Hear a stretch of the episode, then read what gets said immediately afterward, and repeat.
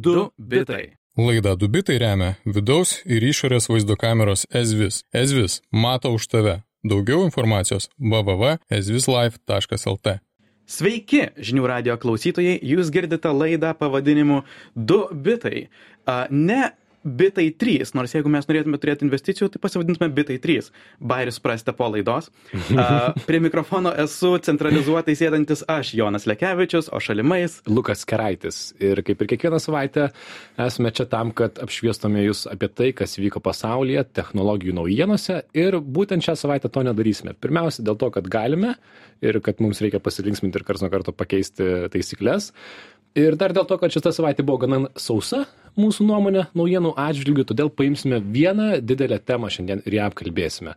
Tad rudenį jau apkalbėjome meta visatą, super karštą žodį, dar apkalbėjome NFT ir paleidome savo NFT. Ir šiandien yra laikas apkalbėti trečiąjį pastarųjų metų karštą, karštą terminą, apie kurį visi kalba ir niekas iki gal nežino, ką tai reiškia. Tai yra Web 3. Tad jeigu nežinote, kas yra Web3 ir kodėl apie tai kalba šiais metais, praėjusiais metais ir kalbės dar ateinančius penkerius metus, tai šiandien tikėkime, kad sužinosit. Tai bandysim paaiškinti, kas yra Web3. A, nuo ko pradėti? Nuo... nuo... Aš sakyčiau, pa- pačiai įžangai, žinai, tai Web3 mes turbūt aptarsime tuos pažadus, kuriuos žmonės kalba apie tai ir taip pat realybę, kuri vystosi ir turbūt kas iš tiesų įvyks. Turbūt pirmiausia, aš sakyčiau, jog Web3 nėra vienas konkretus dalykas. Taip kaip Metaverse mes turėjome šnekėti truputį abstrakčiai aplinkui, nes žmonės dar bando užčiopti tą debesį be formos. Taip. Tai Web3 irgi yra toks debesys be formos, vėliava, po kurio žmonės sudeda daug skirtingų idėjų, konkretaus atsakymo čia nebus. Taip, tai yra konceptas, tai nėra konkreti technologija, tai yra technologijų kratinys ir vizija, kaip galėtų ateityje atrodyti internetas.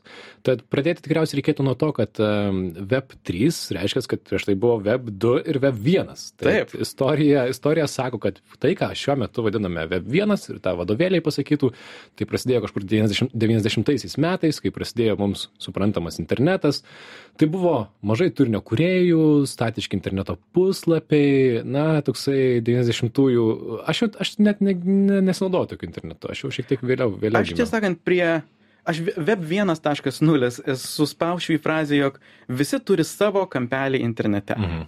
Ir tai buvo ir vis dar yra tam tikros išraiškos interneto, pavyzdžiui, tinklaraščiai, blogai arba forumai, kurių idėja yra, jog štai tu pats nusipirki se- savo serverį, jame instaliuoji tas programas, sujungi adresą, savo duomenų bazę, 1, 2, 3, 4, 5, 18 ir štai tu jau internete. Ir aišku, jeigu nori žinot, ką daro tavo draugai, eini skaityti jų tinklaraščius, nieks taip nedarė. Um, bet tam tikrosme tas pirmas internetas vis dar gyvas, tinklaraščiai vis dar egzistuoja ir forumai vis dar egzistuoja. Um, bet akivaizdu, jog visa tai buvo smarkiai per daug žingsnių ir kaip atsakas į tą komplikuotą, sudėtingą Web 1.0 atsirado Web 2.0. Taip. Aišku, viskas evoliucionavo palengva, nebuvo vienos dienos, kai štai bam ir viskas pasikeitė, internetas palengva evoliucionavo, bet apie 2005-2006 metus galima išvelgti tokį didesnį uh, pokytį. Tai yra atsirado mobilus internetas ir atsirado telefonai, ir atsirado socialiniai tinklai. Ir visi ėmė kurti turinį. Tau nereikia turėti serverių, kad kurtum turinį, tu esi turinio kuriejas tiesiog prisijungęs prie Facebook'o ar kažko kito. Tai internetas tarsi iš naujo save atrado. Web 2 pradžia, laikome 2.5 metai ir vis dar jame ir gyvename. Platformos, socialiniai tinklai, mobiliai telefonai ir be abejo reklama, kuri na, ėmė varyti internetą, tapo jo varomąją jėgą su visais to pliusais ir minusais tikriausiai. Web 2.0 pažadas buvo, jog jeigu nori būti internete, tau nebereikia būtent nieko žinoti apie serverius, nori turėti tinklaraštį, eini į blogger ir užsiregistruoji, nori kurti video, eini į YouTube, nes tai buvo tavo televizijos kanalas. Ir tuo metu tas žodis you dabar jau nieko nebestebina, bet tuo metu tai buvo didelis toks manifestas, jog čia yra tavo, tavo televizijos kanalas, visi yra kuriejai. Times Net Person of the Year 2006 metais išrinko interneto kurėją. Visi staiga yra Person of the Year. Ir e, tai taip pat išsprendė tą problemą, jeigu nori žinot, ką veikia tavo draugai, tau nebereikia tikėtis, jog jie turi serverius, tiesiog visi užsiregistruoja į vieną platformą ir tos centralizuotos platformos, kaip Facebookas, tiesiog surenka vieną srautą, surenka naujienas iš visų ir pateikia tau. Ir tai buvo tas Web2 atsakas į Web 1.0. Taip, ir jame mes gyvename ir, da, ir dabar, bet e, vis dažniau yra kritikuojama tai, kaip veikia internetas, kokios yra jo sistemos ir panašiai. Ir, na, šiuo galima išskirti kelis kritikos aspektus. Tai pirmiausia kad šią akimirką internetas yra labai centralizuotas palyginus su tuo kai jisai prasidėjo kai buvo maži blogeriai ir dar kažkas. Juk dabar didžioji dalis internetinio srauto teka na per ten šešias kompanijas. Tai facebook google apple amazon ir dar kelios kompanijos. Juk jos tapo interneto sinonimu. Kai kuriose šalyse pasaulyje tai jos ir yra tos keturios kompanijos yra internetas per jas gali daryti viską pasiekti pasaulį ieškoti draugų ieškoti informacijos taip kad e, iš vienos pusės tai yra labai patogu iš kitos pusės sukelia įvairias problemas toksai e, kelių Per tuos žaidėjų 15 metų tai mes taip pat ir išgvildenome visokius smulkmenas ir nu, nupoliravome visokius kampus. Tai yra um, iš dalies, pavyzdžiui, pakeitėme slaptažodžius. Labai daug kur tiesiog paspaudi prisijungti su Facebook ir tau nebereikia turėti vartotojų vardų slaptažodžių, bet tai taip pat reiškia, kad tu vis labiau tampi priklausomas nuo tos vienos platformos, kuri valdo tavo identitetą. Taip pat, aišku, viskas atsirado, kaip minėjai, programėlėse ir, ir taip toliau. Iš viso to, tos centralizuojančios turinį, kurį sukuria vartotojai agreguojančios platformos, pradėjo užsidirbti, pradėjo skaičiuoti vartotojus milijardais, jau Facebook susidarė su tuo, jog baigėsi žmonės. o, o pelnas skaičiuoja šimtais milijardų. Ir vėlgi vienas iš tokių aštrių kampų, kuris labai išsigrynino, yra, kiek iš tų šimtų milijardų nukrenta kuriejams, kurie sukuria Taip. visą tai, ką mes žiūrime. Taip, ir tada atsirado visas kriptovaliutų bumas, kuris be finansinių mechanizmų taip pat nori pasiūlyti tam tikrus instrumentus, kaip, kaip turinys, sakykime, kaip kuriejai galėtų vėl iš naujo atgauti teisės ir, ir pinigus į savo darbą. Tai yra, kad tu veiki internete, tu kuri turinį, bet iš tavęs neužsidirba kažkas ir tu galbūt gauni netiesioginę naudą, bet tu iš to gauni tiesiogiai. Tad Aš- turime, turime Web, Web 3. Aš čia pabrėžiau, jog kaip Web 2.0 buvo atsakas į Web 1.0, e, a- iš- pastebėtos tam tikros spragos, problemos esame modelyje ir jos pradėjo taisyti visiškai naujų modelių, tai Web 3 lengviausia suprasti būtent kaip atsaką į Web 2. Tai yra, mes matome, kas yra negerai su esamu modeliu, turime galbūt idėjų naujoms technologijoms, kurios galbūt gali pradėti spręsti tas, tas, tas, spragas ir kuriame atsaką, tiek vertybinį, tiek technologinį. Taip, ir keli terminai yra, kurie labai greta eina Web 3, tai paminėsime juos. Na, tai pirmiausia yra decentralizacija. Decentralizacija šimtą kartų paminima šalia šio termino. Kas, kas tai yra decentralizacija? Aš sakyčiau, tą lengviausia suprasti kaip niekieno nevaldomą tinklą. Nes jeigu centralizacija yra labai paprastas, tiesiog vienas taškas, į kurį vis suplaukia viskas, sprendimai, duomenys, em, logika, tai decentralizacija yra viso to išskaidimas per kuo platesnį tinklą, idealiu atveju per visą pasaulį paplitusi.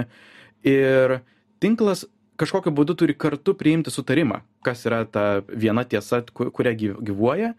Ir vadinasi, tuomet tau nebereikia turėti pasitikėjimo jokių vienu tašku, jokių vieno kompanija ar, e, ar žmogumi. Ir atsiranda labai įdomu, kaip pozityvia vertybė laikoma pasitikėjimo nebuvimas arba vadinamas trustless. Pasitikėjimo nereikėjimas, ne? Mhm. Ar ne? Kad aš nežinau, kas yra kitam gale ir man nereikia žinoti, kad, kad mūsų uh, kažkoks sandoris įvyktų. Kitas būdas tą išreikšti, kuris man labai smagiai skamba, Google originalus moto buvo Don't be evil. O... Nebūk blogas. Nebūk blogas. O Web3 tą išverčia can't be evil. Sudaryti tokias e, mechanikas, tinklo sistemas, kurios neleistų tiesiog niekam techniškai net meluoti, apgauti ir kažko pakeisti. Tai Web3 moto yra can't be evil. Čia aišku, idėjos, teorija. Prieisime ir prie praktikos. Jo, realybė gal kitokia. Tai tiems, kas supranta ir žino, kas yra blockchain technologija, blokų grandinės technologija, man atrodo, iki šiol viskas yra šiek tiek girdėta. Tai yra tai, ką kalba blockchain e, technologijos entuziastai, tai kuo jie tiki, tai ko, link ko jie eina. Ir e, Web3 tikrai būtų paremtas daugiau mažiau blockchain technologijomis. Mhm.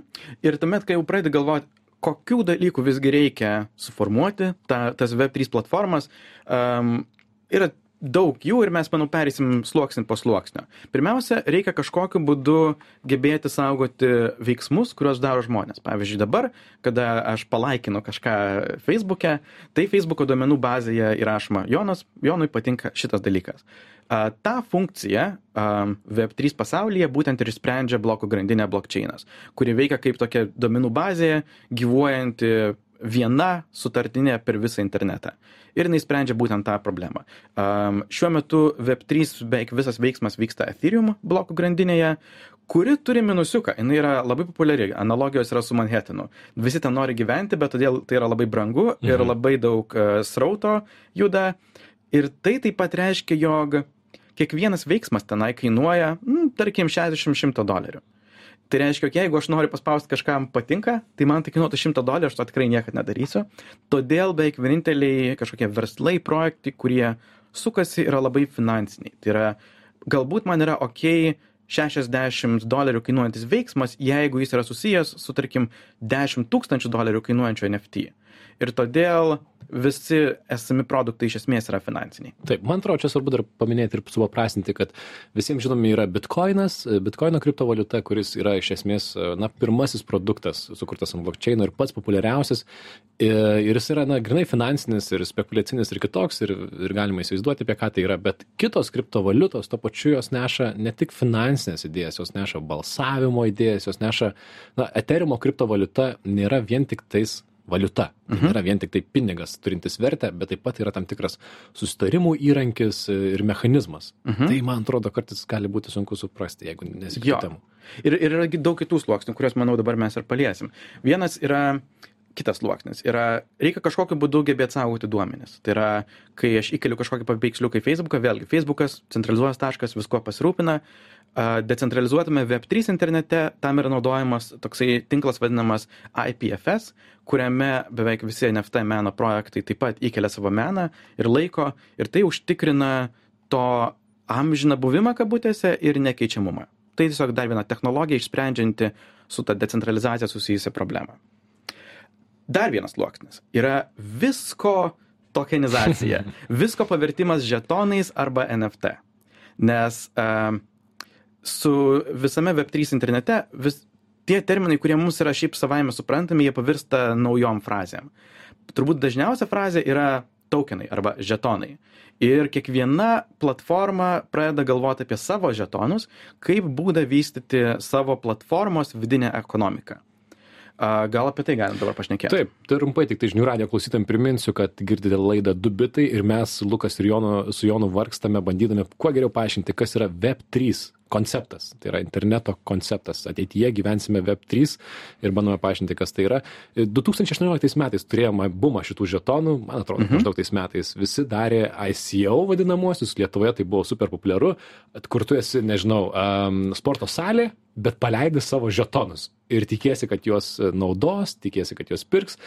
Iš šono žiūrint viskas primena šiek tiek finansinės piram, schemas, piramides. Daug to yra. Ir to elemento ten tikrai yra, nes kuo anksčiau iššoks į tai, tuo tu gali būti, kad vėliau daugiau uždirbsi, bet logika yra tokia, kad visos platformos, visi verslai, pasinaudodami šitomis technologijomis, nori turėti savo mažas valiutėles, kurios mhm. leistų joms tiesiog kontroliuoti, kas vyksta jų bendruomenėse. Ir formuoti ekonomiką taip, kaip jos nori, nes kai tai nėra, kai tau nereikia iš tiesų leisti kažko, kas iš karto turi vertę, pavyzdžiui, eurus ar dar kažką, tu gali tais žetonais ar taškais žaisti, kaip tau patinka, gali juos dalinti už veiksmus, kuriuos daro žmonės ir tokiu būdu skatinti aktyvumą platformų ir bendrai kurti tokias ekonomikos mechanikas, kurios tau bus naudingos ateityje. Taip, tai pavyzdžiui, žinių radijas, jeigu turėtų savo kriptovaliutą, aktyviausi klausytojai galėtų, nežinau, gauti taškus už tai, kad atsiliepia, e, skambina į studiją ir e, galbūt metų pabaigoje pirmumo principų pasiūlyti savo klausimą tam mhm. tikroje diskusijoje, ar ne? Galėtų būti pavyzdys. Kitas objektas, kuris atsiranda visose šitose platformose, jau yra mūsų minėti NFTs, kuriuos čia verta suprasti kaip tokius portabilius uh, dalykus, kuriuos galiu persinešti iš vienos vietos į kitą. Pavyzdžiui, jeigu aš turiu kažkokią konferencijos bilietą nusipirktą per bilietų platformą, ji įkrenta į mano piniginę ir kitai platformai, kuri galbūt seka mano, e, nežinau, susidomėjimą, nereikia kažkokiu būdu importuoti duomenų iš bilietų platformos, nes tai tiesiog atvirai guli mano piniginėje. Kas beje, truputį mitas yra, jog Web3 yra susijęs su duomenų privatumu ir atvirkščiai, kaip tik visi duomenys, kurios, e, kurie yra, tame trečiame internete, jie yra smarkiai labiau atviri ir matomi visiems. Skaidrumo yra daug daugiau. Mhm. Tada dar vienas konceptas su tuo susijęs yra nekeičiamumas. E, jeigu tu nori tokio interneto, kur tau nereikia niekuo pasitikėti, yra labai svarbu, jog tu žinotum, jog nieks iš po žemės tau nepakeis taisyklių. Mhm. Todėl standartiškai viskas yra kuriama tokiais išmaniais kontraktais. Ir tie kontraktai yra vieną kartą parašomi ir nieks jų nebegali pakeisti. Jeigu padarai kažkokią klaidą, o, oh, oh, a, tiesiog belieka skatinti žmonės a, e, migruoti į kitą kontraktą.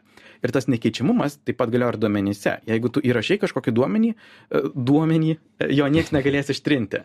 Pavyzdžiui, a, jeigu netyčia palaikinai kažkieno nuotrauką ir nenorėjai palaikinti, o, o, oh, niekas to neištrins. Ir tai reiškia, jog šitas, šitos platformos, tiesą sakant, bus moderavimo košmaras. Bet gal mes kritiką paliesime po kelių minučių jau. Mhm.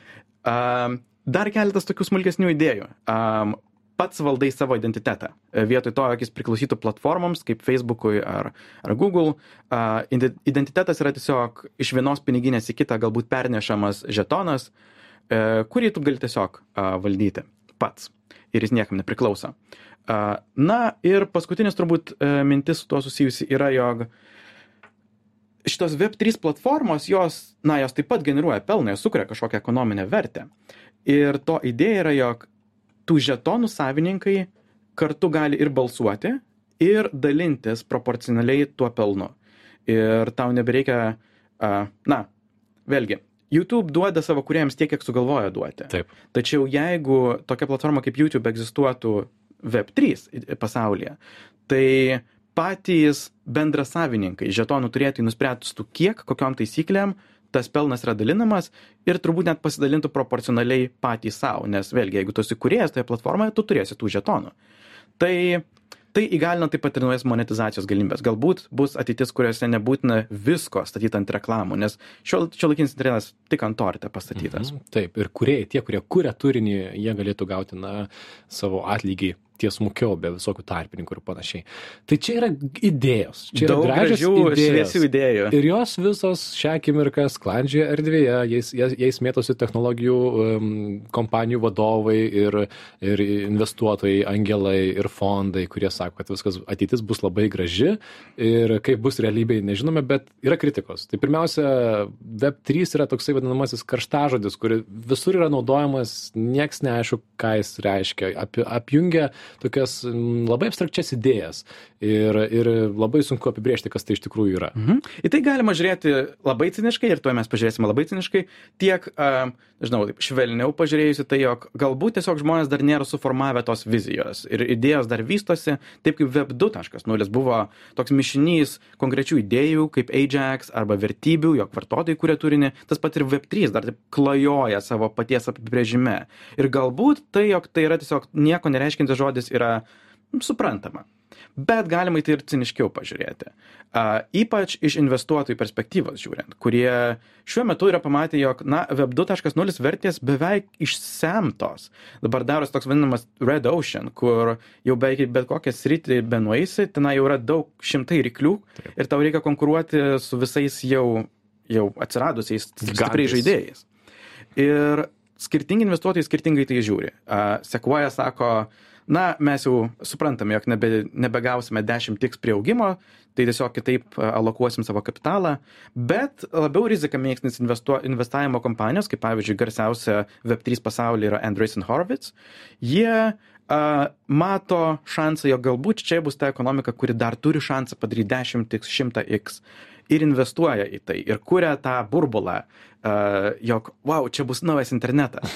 Kodėl jiems tai taip patinka?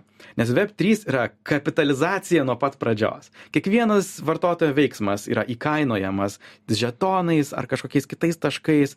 Ir tai reiškia, jeigu tu turi pinigų, tu iš karto jau esi stipresnis, nes tu gali tiesiog nusipirkti įtaką. Tai ir šiaip tau nereikia galvoti, iš kur tau padaryti pinigų, nes viskas yra kapitalizmo vienetai mano pagrindinis argumentas, kodėl Web3 nepamatysime greitai, ar bent tai nevyks lengvai, tai yra dėl to, kad pirmiausia, jo reikia vadinamiesiems developeriams. Tai yra tie, kurie mhm. kūrė platformoms, kurie kūrė produktus, kurie nusimano interneto infrastruktūroje. Eiliniams naudotojams jie dar retai mato problemas, kurias, na, ar naudą iš to, ką, ką galėtų, ką galėtų daryti kitaip. Ir iš esmės, na, tie visi kriptoliberalai arba žmonės, kurie tikrai nusimano technologijas, jie mato galimybės, kaip galėtų uh, apversti visą dabartinę kontrolę, kas, e, na ir, ir išstumti tuos tarpininkus, kurie šią akimirką internete, ar tai yra finansiniai tarpininkai, ar tai pasitikėjimo tarpininkai ir pasimti to pačiu savo dalelę naudoti mhm. iš to, be abejo. Bet e, ar tai greitai vyks? Nežinau. Nežinau. Žinai, kita priežastis, kodėl žmonės taip nori sukurti vat, kažkokią prasmingesnį dalyką, yra tai, jog iki šiol kripto Na, beveik vienintelė technologija, kurią galėjo pasidžiaugti, vadinasi NGU technologija arba Number Go Up tiesiog skaičiukas kyla ir tai yra ta technologija, kuri atneša vertę. Bet e, akivaizdu, jog čia skamba kaip visiškai apgavystė ir reikia sukurti kažką, kažką normaliau uh, vertingesnio skambančio ir todėl žmonės galvoja, hm, gal čia su galime sukurti kažkokias platformas, kurios, uh, kurios tikrai neš vertę žmonėms. Aišku, tas uh, visa erdvė yra pilna labai daug apgavikų, kurie pažada E, šviesią ateitį, palaukia, kol visi suinvestuoja, o tada pasiema savo pinigus ir palieka vartotojus ant ledo. Bet jo, nežinau, žinai, iš mano pusės realistiška to ateitis turbūt yra, jog dabar mes gyvename išpūstų lūkesčių teritorijoje, ilgainiui atsiras kažkokie naudingi įrankiai, turbūt visgi susiję pagrindę su finansais ir kaip Web1 egzistuoja toliau, taip ir Web2 egzistuos toliau, galbūt net ne, ne kiek mažesnis, bet niša kažkokia susiformuos. Taip, idėjos gražios, idėjos tikrai yra gražių idėjų ir graž, gerų ketinimų, kai kurie jos skamba super naiviai, kai kurie tiesiog neaišku kaip įgyvendinti, kai kuriuose labai aiški asmeninė nauda matoma, bet šiaip ar taip tie, kas kalba apie Web3, tai yra tie developeriai, programuotojai, kripto liberalai visokie, jie, na, žiūri kartais, kartais naiviai tą ateitį ir bando ją kurti. Tai tai sėkmės jums, mes dėl to turim apie ką kalbėti su Jonu laidoje. Mhm. Tad iš esmės tikiuosi, kad šią akimirką geriau suprantate, kas yra Web3, tai yra terminas, kurį jeigu nematėte antraštėse, tai tikrai šiais metais matysite ne kartą, Web3, Web3 technologijų įmonių vadovai sakys, mes štai norime eiti link ten ir visiems padaryti gero, bet kaip tai bus, tai pažiūrėsim. Tad tiek pasistengėme aptarti, kas yra Web3. Čia buvo laida Dubitai, o prie mikrofonų buvo Lukas Keraitis ir Jonas Lekevičius. Kaip visuomet, žinių radio puslapyje žiniųradijas.lt visa informacija ir įrašai, o mes atsisveikiname iki kitos savaitės. Iki. Iki. Du bitai. Laida Dubitai remia vidaus ir išorės vaizdo kameros Ezvis. Ezvis mato už tave. Daugiau informacijos www.ezvislife.lt.